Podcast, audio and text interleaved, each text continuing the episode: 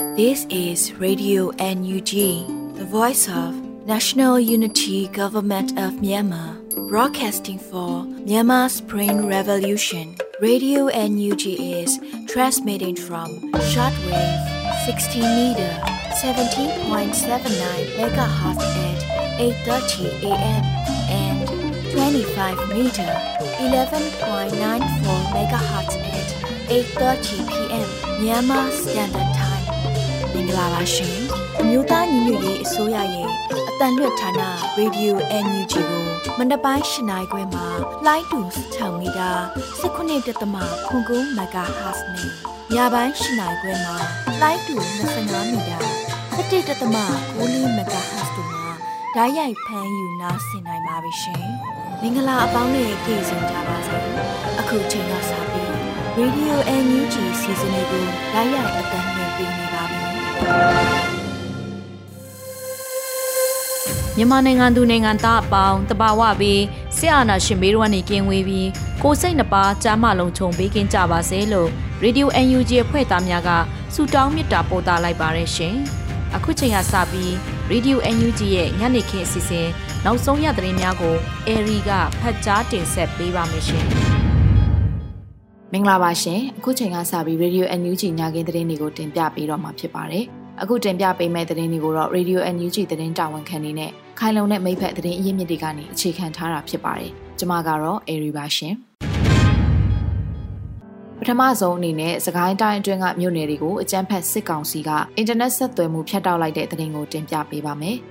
စကိုင်းတိုင်းတွင်းမှာရှိတဲ့မြို့နယ်23မြို့နယ်မှာမလ3ရက်နေ့ည7:00နာရီအချိန်ကစလို့အာနာသိန်းအကြမ်းဖက်စစ်ကောင်စီကအင်တာနက်ဆက်သွယ်မှုတွေထပ်မံဖျက်တောက်လိုက်ပါတယ်။ဒီလိုဆက်သွယ်မှုဖြတ်တောက်တာဟာစစ်ကောင်စီအနေနဲ့လူမဆန်တဲ့ဆရာဆွေးမှုတွေကိုအစွမ်းကုန်ကျူးလွန်တော့မဲ့ရှေ့ပြေးလက္ခဏာဖြစ်တယ်လို့ဒေတာရင်းပြည်သူ့ကာကွယ်ရေးတပ်ဖွဲ့ကတာဝန်ရှိသူတွေကပြောဆိုလိုက်ပါတယ်။ အင်တာနက်ဖြတ်တောက်မှုကိုစကိုင်းတိုင်းမှာရှိတဲ့မြို့နယ်လေးခုဖြစ်တဲ့စကိုင်းမုံရွာရွှေဘုံနဲ့ကလေးမျိုးတို့ကလွဲလို့ကြံမြို့နယ်တွေအားလုံးမှာ MPT Ooredoo နဲ့ Telenor စတဲ့ဆက်သွယ်ရေး mobile internet line အားလုံးကိုဖြတ်တောက်လိုက်တာဖြစ်ပါတယ်။ MPT နဲ့ Ooredoo ကအင်တာနက်လုံးလုံးမရတော့ဘူး။ Telenor ကတော့ 2G တစ်ချက်တစ်ချက်ပေါ်တယ်။အဲ့ဒါလည်းဘာသွားသုံးစားလို့ရမလဲဗျာလို့မြောင်မြို့မှာနေထိုင်တဲ့ပြည်သူတို့ကအင်တာနက်သုံးမရတဲ့အပေါ်ညီးတွားပြောဆိုသွားပါတယ်။ သူကပဲဆက်လက်ပြီးတော့စစ်အာဏာရှင်အမိန့်တိုင်းလူခွေရချိုးဖောက်တာကိုညွှန်ကြားသမျှလိုက်နာနေတဲ့စစ်ကောင်စီရန်တရားတွေအဖြစ် MPT, Ooredoo နဲ့ Telenor ဆက်သွယ်ရေးလုပ်ငန်းတွေကိုအပြစ်ဖို့ပြောဆိုပါတယ်။ပြည်သူတွေနဲ့အတူစစ်ကောင်စီကိုတော်လှန်နေတဲ့ပြည်သူ့ကာကွယ်ရေးတပ်ဖွဲ့တွေကလည်းအင်တာနက်လိုင်းတွေအလုံးစုံဖြတ်တောက်ခံရခြင်းဟာအကြမ်းဖက်စစ်ကောင်စီတပ်က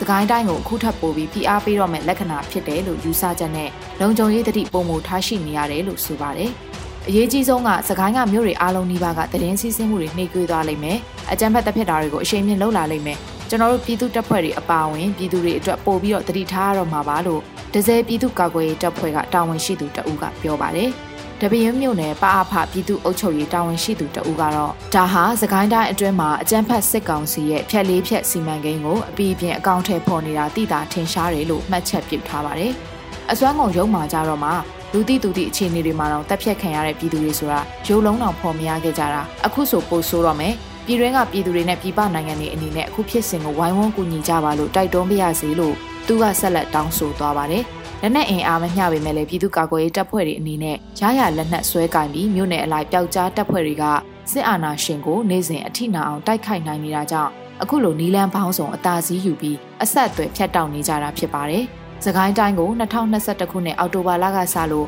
အလောင်းမင်းတရားစစ်စင်ရေးအမည်နဲ့အကြမ်းဖက်စစ်ကောင်စီတပ်ကထိုးစစ်ဆင်ခဲ့ပေမဲ့လည်းမအောင်မြင်ခဲ့ပါဘူး။2022ခုနှစ်နှစ်ဦးပိုင်းမှာတော့စစ်ကောင်စီတပ်တွေဟာအရက်သားပြည်သူတွေအပေါ်ဦးတည်အကြမ်းဖက်တပ်ဖြတ်မှုတွေကိုဗဟိုပြုလာတာတွေ့ရပါတယ်။လူမဆန်တဲ့နီးမှန်သမျှကိုအဓမ္မအမိန့်နဲ့စေခိုင်းပြီးအခုလိုဆက်သွယ်ရေးဖျက်တောက်တာအပါအဝင်ပြည်သူ့ကာကွယ်ရေးတပ်ဖွဲ့ဝင်တွေကိုအသာစီးရဖို့စ조사နေကြတာပဲဖြစ်ပါတယ်ရှင်။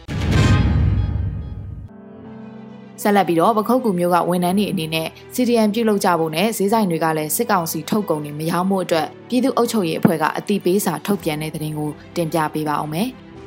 လက်ရှိတော်လှန်ရေးအချိန်အဟုန်ပုံမမြင့်လာစေဖို့နဲ့ပြည်သူလူထုတဦးချင်းစီရဲ့လူမှုဘဝလုံခြုံဖို့အတွက်တစ်ဖက်တစ်လမ်းကအထောက်အကူဖြစ်စေဖို့ရည်ရွယ်ပြီးဒေသန္တရအမိန့်ထုတ်ပြန်လိုက်တယ်လို့ပခုတ်ကူမြို့နယ်ပြည်သူ့အုပ်ချုပ်ရေးအဖွဲ့ပအဖကအတိပေးကြေညာခဲ့ပါတယ်။အဲ့ဒီဒေသန္တရအမိန့်မှာပခုတ်ကူမြို့နယ်အတွင်းအကြမ်းဖက်စစ်တပ်နဲ့သူတို့ရဲ့ထောက်တိုင်ကုမ္ပဏီစက်ရုံတွေကထွက်ရှိတဲ့စားတောက်ကုန်ပစ္စည်းနဲ့လူသုံးကုန်ပစ္စည်းတွေကိုလာမယ့်မတ်လ20ရက်နေ့ကစပြီးတော့ရောင်းချတည်ယူခြင်းလုံးဝမပြုရဘူးလို့ဖော်ပြထားပါတယ်။ မြန်မာဘီယာနဲ့ Red Ruby လိုမျိုးပစ္စည်းတွေအပါအဝင်အကြမ်းဖက်စစ်ကောင်စီနဲ့ပတ်သက်တဲ့ထုတ်ကုန်ပစ္စည်းတွေရောင်းချတာတည်ယူတာစီစစ်တွေ့ရှိရင်ကုန်ပစ္စည်းကိုတင်ယူတာဖျက်ဆီးတာနဲ့တခြားအုပ်ချုပ်မှုနည်းလမ်းတွေနဲ့အရေးယူသွားမယ်လို့လည်းအသိပေးထားပါတယ်။ပခုတ်ကူမြို့နယ်အတွင်းမှာရှိတဲ့ရက်ကျေးအုပ်ချုပ်ရေးမှုတွေအပါအဝင်အကြမ်းဖက်စစ်တပ်လက်အောက်ခံစစ်ဖက်အရက်ဖက်ဝန်ထမ်းတွေအနေနဲ့လည်းမလ20ရက်နေ့နောက်ဆုံးထားပြီးအမြန်ဆုံး CDM ပြုလုပ်သွားကြဖို့လည်းအဲ့ဒီဒေသန္တရအမိန့်မှာဖော်ပြထားပါတယ်။ အကြမ်းဖက်တောင်းညံသူစစ်ကောင်စီအလို့ကျဆက်လက်ဆောင်ရွက်မယ်ဆိုရင်အဲ့ဒီပုံကိုယ်ရဲ့အသက်အိုးအိမ်စည်းစိမ်ကိုပြည်သူ့အုပ်ချုပ်ရေးအဖွဲ့ကတာဝန်ယူမှာမဟုတ်တဲ့အပြင်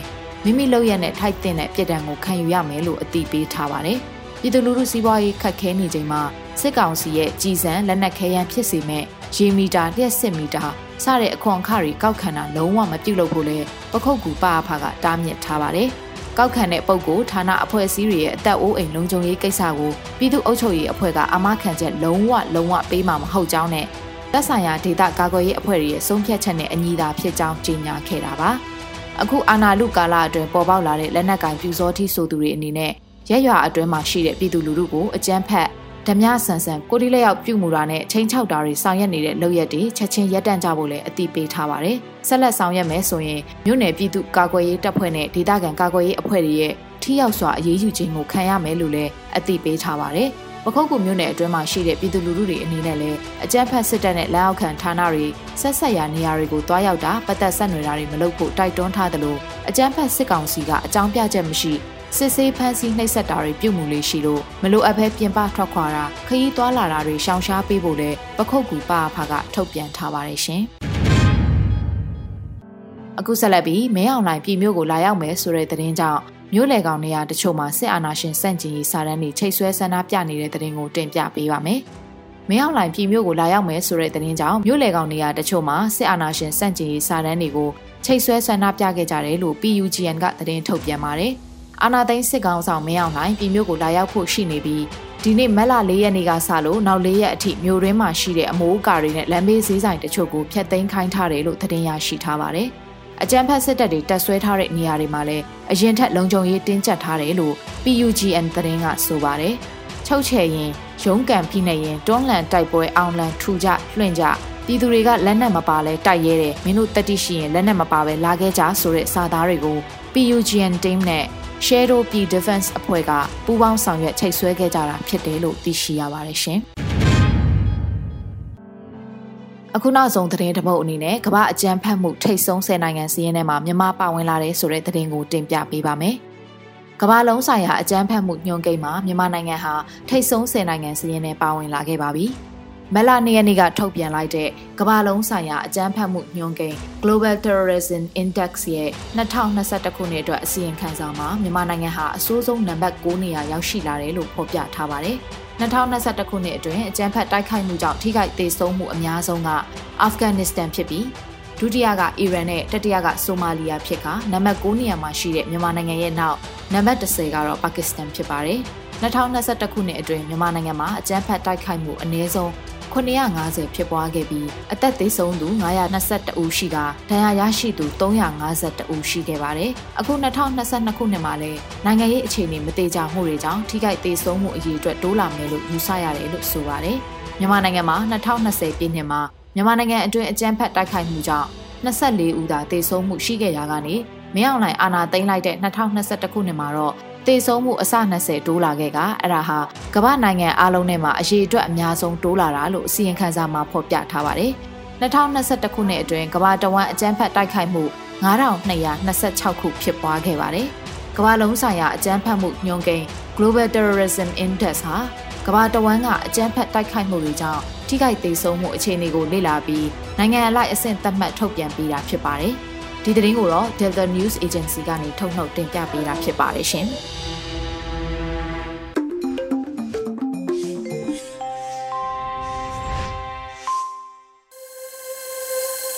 Radio NUG ရဲ့နောက်ဆုံးရသတင်းချင်းများကို နားဆင်ကြရတာဖြစ်ပါတယ်။အခုဆက်လက်ပြီးပန်ဒိုရာရေးသားတဲ့ဝိုင်းမြစ်ချိုထဲမှာမျောလိုက်တဲ့ဂျွန်းသုံးကိုຫນွေဦးမှုဖတ်ကြားထားတာနားဆင်ရပါမယ်ရှင်။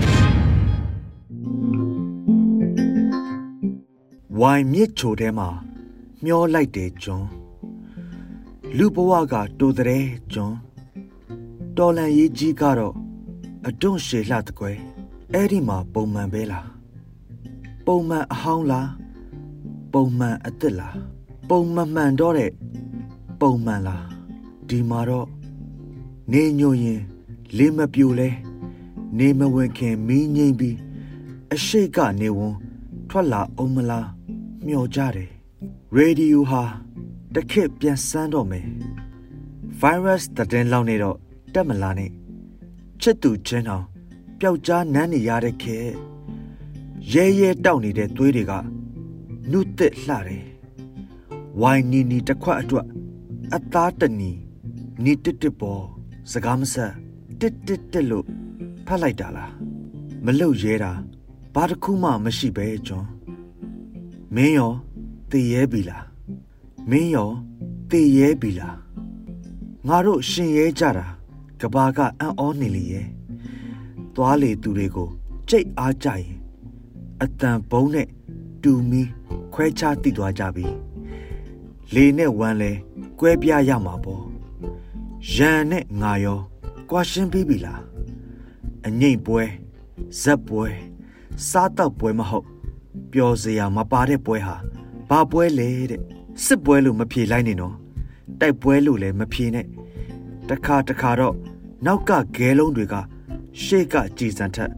ပိုနာကျင်စေတတ်တယ်မဟုတ်လားအမေရိကန်တက်ကြီးရောပြန်ရုပ်တော့မှလားမြို့တော်ကပူးကအီးမေးနဲ့တည်င်းမေးလာတယ်စစ်စစ်စစ်ကိုမင်းတို့မြို့ကြီးတွေမကြုံဘူးသေးဘူးထင်တယ်တဲ့အာဖဂန်မှာတော့မရက်မစဲ အနှစ်40ကျော်မှာနေသားတောင်ကြနေပေါ်တဲ့อืมစစ်စစ်စစ်လို့ရောဖတ်မိလိုက်သေးလားဒါဆိုရင်တော့စစ်အတုဆိုတာများရှိရင်အမီးတဲ့ထက်ကျွတ်ကျွတ်ဝါပြီးမျောချလိုက်ကြမယ်မင်းရီမင်းရတွေကကြက်ဥအယောင်တိမ်တောင်တပွဲကျဲလိုက်တာအိုးအဆုံးမရှိအောင်ကျဲဝန်းလှကေစော်ကြပြတဲ့ကလို့ တရားနဲ့ဖြေကြတာပေါ့ဒါကြီးကအိမ်မက်စိုးကြီးပါလို့ငါကောင်ကအယုံသွင်းထားလိုက်ပြီအိမ်မက်ထဲမှာတော့ငွေထုတ်ဆက်မှာတန်းစီနေရတာစီနေတော့ဗန်ကြီးပြိုကြလို့ပြေးပေါက်မှားရသေးတာအဲ့ဒါလို့တော်လန်မြင့်နေကြီးဒီရီစီးမှာကြပြာဆရာသွေးတွေလည်းပါလာတော့တချို့ကကြပြာဖက်ရင်မျက်ရည်ကြကြတဲ့မောင်ရင်တို့နဲ့ပျော့ညံ့ရန်ကောလို့အတန်တုံတုံနဲ့ မန်မဲလိုက်ရတဲ့ဂျွန်ရီကျောင်းတွေလည်းဖွင့်တော့မယ်တဲ့ပညာပရင်းတွေရောပွင့်လာပါအောင်မလားစာအုပ်ကန်ရမယ့်လက်တွေတော့တနက်ကင်နေကြတယ်။နှစ်ချက်ကင်တဲ့လက်မိတ်ကက်လိမ့်တဲ့လက်ပကြီးဆွဲတဲ့လက်ဒဇင်ရိတ်တဲ့လက်ဆိုင်ရဆိုင်ရတွေလက်အသီးသီးထဲပြန်ရောက်ဖို့ငါတို့အိတ်ရေးတွေငါတို့အပြုံးတွေငါတို့မိသားစုတွေ ငါတို့အားလက်ချိန်တွေငါတို့ကိုယ်ပိုင်ဘဝတွေငါတို့လေပြေညင်းတွေစွန့်ရဲသူတို့ရဲ့ဝိညာဉ်တွေခိုးသားတွေစီကပြန်သိမ်းယူရဖို့အရေးတန်ကြီးတမန်ကြီးတွေကစိုးရင်တကြီးလွှတ်ချလိုက်တဲ့ငါတို့ရဲ့ကိုယ်ပိုင်လက်ပလာတွေနဲ့တရက်ချင်းတွားတွားလှမ်းတက်ရအောင်မှာပေါ့ဂျွန်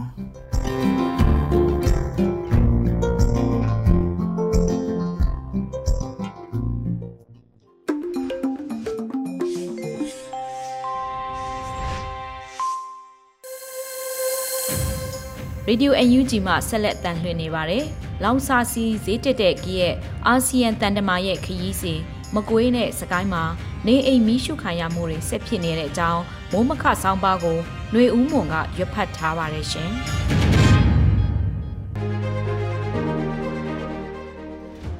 ယူကရိန်းကျူးကျော်ခံရမှုအဖြစ်အပျက်မတိုင်ခင်စစ်ရေးစစ်ငွေတွေနဲ့ဈေးမြင့်တက်နေတဲ့ကမ္ဘာရေနံစိမ်းစီဟာကျူးကျော်ခံရပြီးနောက်မှာတစည်းကိုဒေါ်လာ100ကနေ 114လောက်ထိရက်အနည်းငယ်အတွင်းထပ်မံမြင့်တက်ခဲ့ပြီးရေနံဈေးမြင့်တက်မှုရဲ့ကြရက်ကမြန်မာနိုင်ငံကိုလည်းရိုက်ခတ်နေပြီဖြစ်ပါတယ်။ပြည်ရင်းထုတ်လုပ်မှုကလောက်လောက်လာလာပမာဏမရှိသလိုအရေးသွေးမီတဲ့တန်းစင်ဆက်ယုံလည်းမရှိတာကြောင့်တည်ယူပို့ဆောင်ရေးသုံးယာဉ်တွေနဲ့အင်စီကားတွေကပြည်ပကတင်သွင်းတဲ့ဓာတ်ဆီဒီဇယ်စီကိုမိခိုနေကြရပြီး73စီတင်သွင်းရေးလုပ်ငန်းလိုင်စင်တွေကိုလည်းလုပ်ငန်းရှင်ကြီးတစုကချုပ်ကင်ထားကြပြီးကမ္ဘာရည်နှံစေးမြင့်တက်တာနဲ့ အချိန်မဆိုင်ပြည်ရင်းမှာပါဈေးနှုန်းလိုက်မြင့်တက်သတ်မှတ်ကြတာဖြစ်ပါတယ်။စစ်အာဏာသိမ်းမှုကြောင့်စတီဝါရေးပိတ်ဆို့မှုနဲ့နိုင်ငံရေးမတည်ငြိမ်မှုကြောင့်ဒေါ်လာဈေးတွေတိတိတသားမြင့်တက်တဲ့အကျိုးဆက်ကလည်းမြန်မာနိုင်ငံကလူထုအတွက်လောင်စာဆီဈေးနှုန်းမြင့်တက်မှုမှနှစ်ဆကြခံရတယ်လို့ဖြစ်စေပါတယ်။အလုတ်အကိုင်းဝင်ငွေရလန်းတွေကျဆင်းနေချိန်မှာ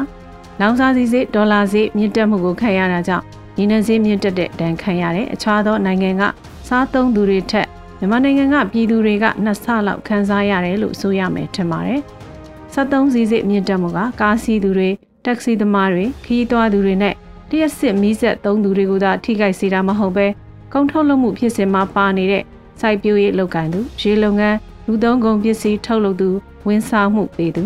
နိုင်ငံခြားလက်ခစားစက်ရုံတွေအထိအားလုံးကိုထုတ်လုပ်မှုစရိတ်မြင့်တက်စေတာဖြစ်ပြီးအဲ့ဒီနယ်ပယ်ကထုတ်လုပ်လိုက်တဲ့ကုန်ပစ္စည်းနဲ့ဝန်ဆောင်မှုတွေကတော့ 73စီစဉ်တို့မြင့်တက်တဲ့လောက်တိုးမြင့်မိရမရမသေးကြပါဘူး။ဈေးကွက်ကဝယ်လိုအားကျဆင်းနေချိန်ကိုဗစ်နဲ့ဆီယနာသိမ်းမှုကြောင့်ချိနေနေချိန်လူအများဝင်ငွေရောကျနေချိန်မို့လို့ဈေးနှုန်းတွေကပုံမှန်ချိန်လို့လိုက်ပြောင်းမှုမလွယ်ကူတာလည်းဖြစ်ပါတယ်။73စီစဉ်မြင့်တက်တာကိုရန်ကုန်မြို့မှာလက်ရှိခံစားရတဲ့အကျိုးဆက်ကြည့်လိုက်ရင်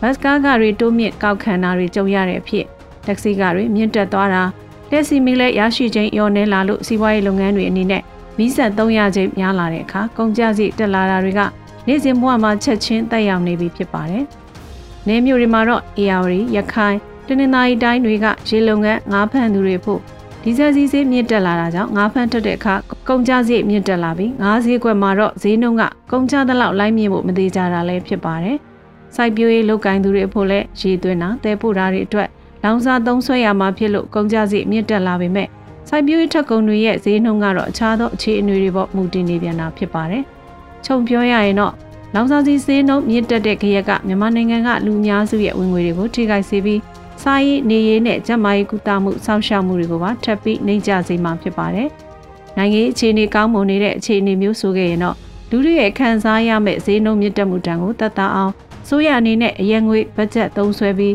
အစီအစဉ်ချမှတ်တာမျိုးတွေလုပ်နိုင်အောင်လုပ်နိုင်မှာဖြစ်ပေမဲ့ ခုလိုအုပ်ချုပ်သူကဆီယာနာရှင်ဖြစ်ပြီးလူလူနဲ့ရန်သူတပွဲဖြစ်နေတဲ့အနေအထားမှာဆီယာနာရှင်တွေအနေနဲ့လူလူရဲ့ဒုက္ခကိုတတ်တာအောင်လှုံ့ဆော်ပွဲအရေးအယောင်မမြင်ရပါဘူးဒီနေ့သတင်းတွေထဲကနောက်သတင်းတစ်ပုဒ်ကတော့မြန်မာနိုင်ငံအရေးအကျက်တဲကိုအပြေရှားဖို့နိုင်ငံတကာအတိုင်းဝိုင်းရဲ့တခုတည်းသောရန်တရားလိုဖြစ်နေတဲ့အာဆီယံအဖွဲ့ရဲ့မြန်မာနိုင်ငံဆိုင်ရာတန်တမန်ကမ္ဘောဒီးယားနိုင်ငံသားရေးဝန်ကြီးမကြခင်သတင်းပတ်မှာမြန်မာနိုင်ငံကိုလာရောက်မယ်လို့ထုတ်ပြန်လိုက်ပါတယ်။ လေးရက်ကြာလာရောက်မဲ့ခီးစဉ်အတွင်းစစ်ကောင်စီအချို့သောနိုင်ငံရေးပါတီတွေနဲ့တွေ့ဆုံလိမ့်မယ်လို့ခံမှန်းရပေမဲ့ဖန်ဆီးခံထားရတဲ့ NLD ပါတီရဲ့ခေါင်းဆောင်တွေနဲ့တွေ့ဆုံနိုင်ပွဲတော့မရှိဘူးလို့ယူဆရပါတယ်။နိုင်ငံတကာမှာမြန်မာအရေးထက်ပိုပြီးအရေးတကြီးတုံ့ပြန်ဆောင်ရွက်နေကြရတဲ့ယူကရိန်းအရေးကရှေ့တန်းရောက်လာတာကြောင့်ကုလသမဂ္ဂဒေသရင်းဖွဲ့စည်းတွေနောက်နိုင်ငံအချို့အနေနဲ့မြန်မာအရေးကိုအချိန်သိပ်ပေးနိုင်ကြမှာမဟုတ်ပါဘူး။ဒီလိုမြန်မာအရေးကိုနိုင်ငံတကာကအပြေရှားဖို့ကြိုးစားနေချိန်မှာပဲ စကိုင်းတိုင်းမကွေးတိုင်းကယားပြည်နယ်ချင်းပြည်နယ်တို့လိုမှာအချို့ချင်းရွာတွေမှာရွာလုံးကျွတ်နေအိမ်တွေမိရှုခံရတာတွေရာနဲ့ချီမိရှုခံရတာတွေနေ့စဉ်ရက်ဆက်ဖြစ်ပျက်နေဆဲဖြစ်ပါတယ်။ဒီနေ့သတင်းတွေထဲမှာပေါက်မြို့နယ်တွေကခြေရွာတချို့ခံကောမြို့နယ်တွေကခြေရွာတချို့နဲ့စကိုင်းတိုင်းဒဇယ်မြို့နယ်တွေကခြေရွာတချို့မှာနေအိမ်တွေမိရှုခံရတဲ့သတင်းတွေဖော်ပြထားကြပါတယ်။လူနေအိမ်မိရှုခံရတဲ့သတင်းတွေဟာနေ့စဉ်ပါနေကြသတင်းလိုဖြစ်လာနေပြီးမထူးဆန်းတော့တရားဖြစ်လာပါတယ်။ မီးရှို့ခံရတဲ့နေအိမ်ပိုင်ရှင်တွေအဖို့တော့သူတို့ရဲ့တဘွားလုံးနဲ့ဆိုင်တဲ့ပျက်စီးဆုံးရှုံးမှုဖြစ်ပြီးနေ့စဉ်အိမ်အောင်စုရာနဲ့ချီတဲ့ဘဝတွေဖျက်ဆီးခံနေကြရတာဖြစ်ပါတယ်။စစ်ကောင်စီကလက်နက်ကိုင်းတော်လန်ပုံကန့်မှုကိုခုလိုမြေလန်းတဲ့နီးနဲ့ဖြိုခွဲဖို့မဟာဗျူဟာချထားတာထင်ရှားပြီးဒီလိုကြီးရွာတွေမီးရှို့လိုက်ခြင်းအပြင် PDF တွေအခြေချဖို့ကြီးရွာလည်းမရှိတော့ရိတ်ခါလည်းမရှိတော့ဘူးလို့ယူဆပြီးလှုပ်ဆောင်နေတာလို့ခံမှန်းရပါတယ်။စစ်ကောင်စီရဲ့မဟာဗျူဟာအောင်မြင်မလား။ လူလူရဲ့နာကြီးမှုကဆက်လက်တိုက်ခိုက်တွန်းလှန်မှုထပ်ပြီးတန်ဋိဌာန်ချတာမျိုးဖြစ်စေမလားဆိုတာမကြခင်အပြေပေါ်လာမယ်လို့ထင်မြင်မိပါတယ်ရှင်။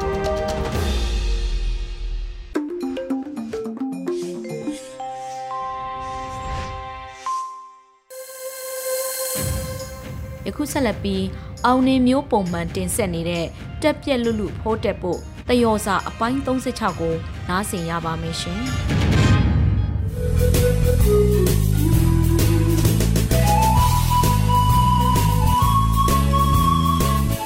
ကဲအမကြီးသူကြီးတာလို့ဆိုပြီးငပူတင်းနဲ့ပါဖျားလို့ဖြေရမလို့ဖြစ်နေပြီဒီဇက်ကတော့မင်းအောင်လိုင်ကျင်ဆိုးဘိုးတက်ပုရဲ့တကူတော်ကတဲ့ဇက်ကနေနှစ်ကိုယ်သူချစ်သမျှကိုဆိုရမလားပဲဇော်မဲလုံးတို့ကတော့မြမလိုရေးရင်နားမလဲမှစိုးလို့ရုရှားလိုရေးပြီးစီစွတ်ပေးတာထောက်ခံကြောင်းအမိနှံ့ပြခဲ့တယ်လေ EU ကရုရှားဘဏ်တွေကစစ်ကုတ်တွေကိုဖယ်ရှားလိုက်ပြီတဲ့ စစ်ကုတ်ဆိုတာကပြည်တွင်းဘဏ်တွေကနေပြည်ပဘဏ်တွေကိုငွေပြောင်းငွေလွှဲငွေချေတာတွေမှာသုံးတဲ့စနစ်လေရုရှားဘဏ်တွေကနေမှတကဘာလုံးကိုငွေလွှဲလို့မရတော့သလိုငွေထုတ်ယူလို့လည်းမရတော့ဘူးပေါ့အဲ့တော့ပစ္စည်းကိုလည်းရောင်းလို့မရတော့သလိုပစ္စည်းကိုလည်းဝယ်လို့မရတော့ဘူးဝယ်ထားတဲ့ပစ္စည်းကိုလည်းငွေချေလို့မရတော့ဘူးပေါ့ဗျာဒီတော့ကျင်ဆိုးခွေးတက်ရဲ့အကောင့်တွေကလည်းငွေထုတ်လို့မရတော့ဘူးပေါ့ဗျာကျင်ဆိုးတို့တတိုက်တီးသန့်အပ်ထားတဲ့ငွေတွေကလည်းဘာမှကိုထုတ်လို့မရတော့ဘူးဒီငွေတွေအတွက် ဘိုးတက်မှုလွတ်ထားပြီးသွားနေတဲ့ခွေးတွေတင်တန်းတက်နေတဲ့ခွေးတွေမြေနေရ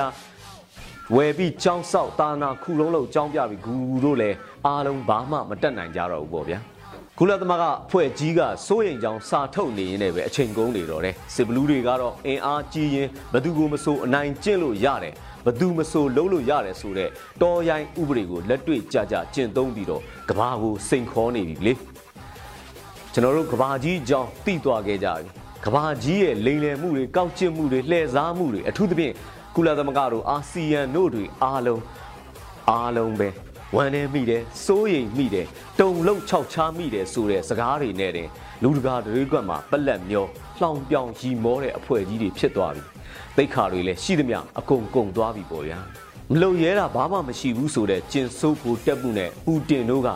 ဘသူကဆရာလဲဘသူကတပည့်လဲဆိုတာမသိတော့ဘူး ဗိုလ်တပ်ဘူးရဲ့နောက်လိုက်ခွေးတအုပ်ကလည်းငါတို့ရွာတွေပေါ်မှာရုရှားလို့တိုက်လေရင်တွေနဲ့ယူကရိန်းလို့ဘုံတွေကျဲချနေတာလေရှေ့ဆောင်ခွေးချုပ်ထင်းရလို့တော့နောက်ခွေးတတိုက်ကလည်းထင်းရဆိုင်းနေကြတာပေါ့အဲ့တော့ရုရှားယူကရိန်းထုတ်ကြီးကိုဘေးမှာအသာချထားလိုက်အောင်ကိုပီဒီအလေးတွေစီကျွန်တော်တို့ပြန်သွားကြပါစို့ US EU တို့စီကနေခင်မီလက်နက်တွေမရပါပဲငါတို့ PDF ကလေးတွေကရေမြုံမိုင်းတွေ short တိုက်ဒုံးတွေတီထွန်ပြီးလက်တွေ့တိုက်နေကြရတာလေ စကိုင်းတိုင်းကို3လနဲ့ခြေမုံမယ်ဆိုတော့မင်းအောင်လိုင်ကျင်ဆိုးကသူ့လက်ယုံကြီးတန်းလိုင်ကိုလွတ်တာသူ့စစ်ကွေးတွေပိုးမသာပေါ်ကုန်ကြတာပဲနောက်ပြန်ဖယ်ထားတဲ့အခြေအနေတောင်ရောက်နေပြီလေဗိုလ်တပ်ဘူးမင်းအောင်လိုင်တို့အုပ်စုရဲ့အုပ်ချုပ်ရေးရန်နေရာကြီးပြိုကျနေပြီပေါ့ခုချိန်ကမြန်မာပြည်အတွက်အရေးကြီးဆုံးအချိန်ပဲမနေနိုင်ဘူးဆိုရင်တော့အထုပ်လေးကိုတာတာလေးဖြဲကြည့်ကြပါဗျာဒီဘက်မှာတော့ငါတို့ရန်သူကမင်းအောင်လိုင်ကျင်ဆိုးဗိုလ်တပ်ဘူးယူနေပြီတဲ့ဗိုလ်တပ်ဘူးကစေးပညာအခေါ်ရ ကိုရီသွေးလွန်စိတ်ဝေဒနာနဲ့ဖြက်လို့ဖြက်စီးစိတ်လက္ခဏာရှိနေတာလေဗျာအဲ့ဒါကရန်တန်ပြောတာမဟုတ်ဘူးနော်နားလေတက်ကျွမ်းတဲ့စိတ်ပညာရှင်တွေနဲ့စိတ်ဆရာဝန်တွေကအချိန်ယူစမ်းသပ်ထားတဲ့ရလဒ်တယ်ဗျာကျင်ဆိုးရဲ့စိတ်ဝေဒနာလက္ခဏာတွေကသူမှသူပဲအရေးကြီးဆုံးလို့ထင်ရောက်နေတာလေသူဆွမ်းစွားနဲ့အောင်မြင်မှုကအထွတ်ထိပ်ပဲလို့ထင်နေတာနဲ့သူတယောက်တည်းပဲအဓိပတိလို့ဘဝင်လေဟတ်နေတဲ့သူပဲယူချက်ကတော့နာတယ်ဗျာအဲ့လောက်ယူတဲ့သူအဲမဟုတ်ပါဘူး အဲ့ဒါလောက်တော်တဲ့သူကိုပြည်သူအားလုံးကတောက်ဖွက်မလုပ်တာကတော့ဗိုလ်တပ်ဘူးခမစိတ်ဖိစည်းတွေရရတော့တာပဲလေသူနာကအပားတော်မြဲတွေဘလောက်ချီးမွမ်းပါစေမယောင်ရဲမတင့်တိမ်နိုင်တော့ဘူးအတင်းအထက်ထက်ပဲမန်နဲ့တိုင်ထက်တက်ပြနေရတာလေပြည်သူတွေကိုလည်း ဖိနှိပ်ညှိုးငယ်အောင်လုပ်ပြီးသူ့ကိုယ်သူကြီးမြတ်ကြောင်းအောင်မြင်ကြောင်းတော်ကြောင်းတက်ကြောင်းအကောင်းဆုံးဖြစ်ကြောင်းမဟာတရားကိုအမွှန်းတင်နေတော့တာပဲနောက်တစ်မျိုးကသူ့ကိုယ်သူခန္ဓာကြီးကျယ်တယ်လို့အထင်ကြီးလွန်းနေတာပဲသူတစ်ပါးကိုအထင်သေးပြီးအတိမတ်မပြုတ်နိုင်လက်မခံနိုင်မစာနာနိုင်ဖြစ်နေပြန်ရောနဲ့ဗျာတွတ်တွတ်ခါအောင်ယူတာပါပဲအဲ့တော့ဘသူ့ပေါ်မှာမှအကောင်းမမြင်ဘူးသူတိသူတက်တဲ့နေရာတကာဆရာလုံနေတော့တာပဲဗျာပေါက်ကြားလာတဲ့လှုပ်ဝက်အစည်းအဝေးမှတ်တမ်းတွေဖတ်လိုက်ကြရတယ်မဟုတ်လား ဗိုလ်တပ်ဘူးရဲ့အယူချီပန်းမိန်ငုံအတွန်းရှည်ကြီးကိုလေကဲပါလေအဲ့ဒီအယူချီပန်းမသားကောင်ကျင်စိုးဗိုလ်တပ်ဘူးကိုခဏအသာဖယ်တာအရေးမှမပါတာဘူးလက်နက်မဲ့ပြည်သူတွေကိုလူကြီးကလေးမိမ့်မပါမကြံတက်ဖြတ်မီးရှို့အလောင်းဖြောက်နေတဲ့အကြမ်းဖက်စစ်တပ်ဖက်စစ်စစ်တပ်ကိုနောက်နောက်မြန်မာမြေပေါ်မှာဘယ်တော့မှပေါ်မလာအောင်အာဏာရှင်စနစ်အမြင့်ပြတ်တိုက်ထုတ် ခြေမုံကြဖို့တို့ပြည်သူတွေညီညွတ်ကြမှာဖြစ်မယ် နီးနာပေါင်းစုံနဲ့တိုက်ပွဲပေါင်းစုံဟာလူမှုရဲ့ခွန်အားအကြီးမားဆုံးလက်နက်တစ်ခုပဲနီးနာပေါင်းစုံကွဲပြားမှုအစုအဖွဲ့တွေကွဲပြားမှုတွေကအတိမတ်ပြုတ်တဲ့ရင်ပြဿနာမဟုတ်ဘူးအဓိကဘုံရန်သူကိုခြေမုံဖို့ပဲလိုတာအရှိနောက်တောင်မြောက်ထပ်ပြီးကွဲပြားစိတ်ဖြာနေနေရာများစွာမှာအခြေအနေမျိုးစုံနဲ့တိုက်ပွဲဝင်နေဖို့ပဲလိုတယ်အရေးတော်ပုံအောင်ကိုအောင်ရမယ်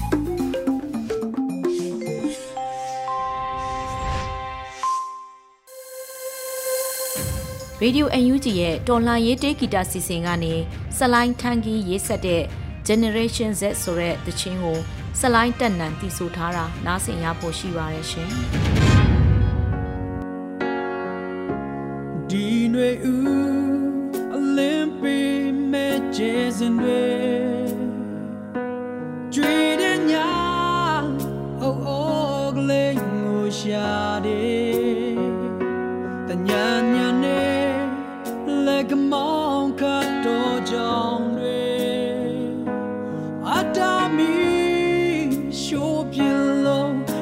ရ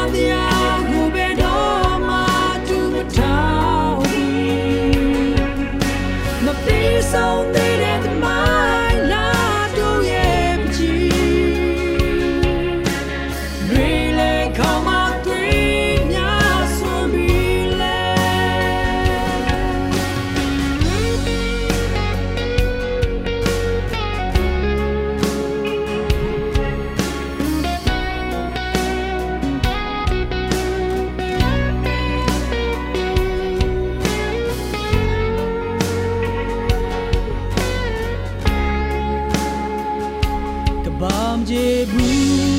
အမှန်တရားအတွက်ရည်တည်မယ်ဘယ်သူတွေခွဲခွဲဒုံခွဲဘူးဒီသူတွေလူပင်လေ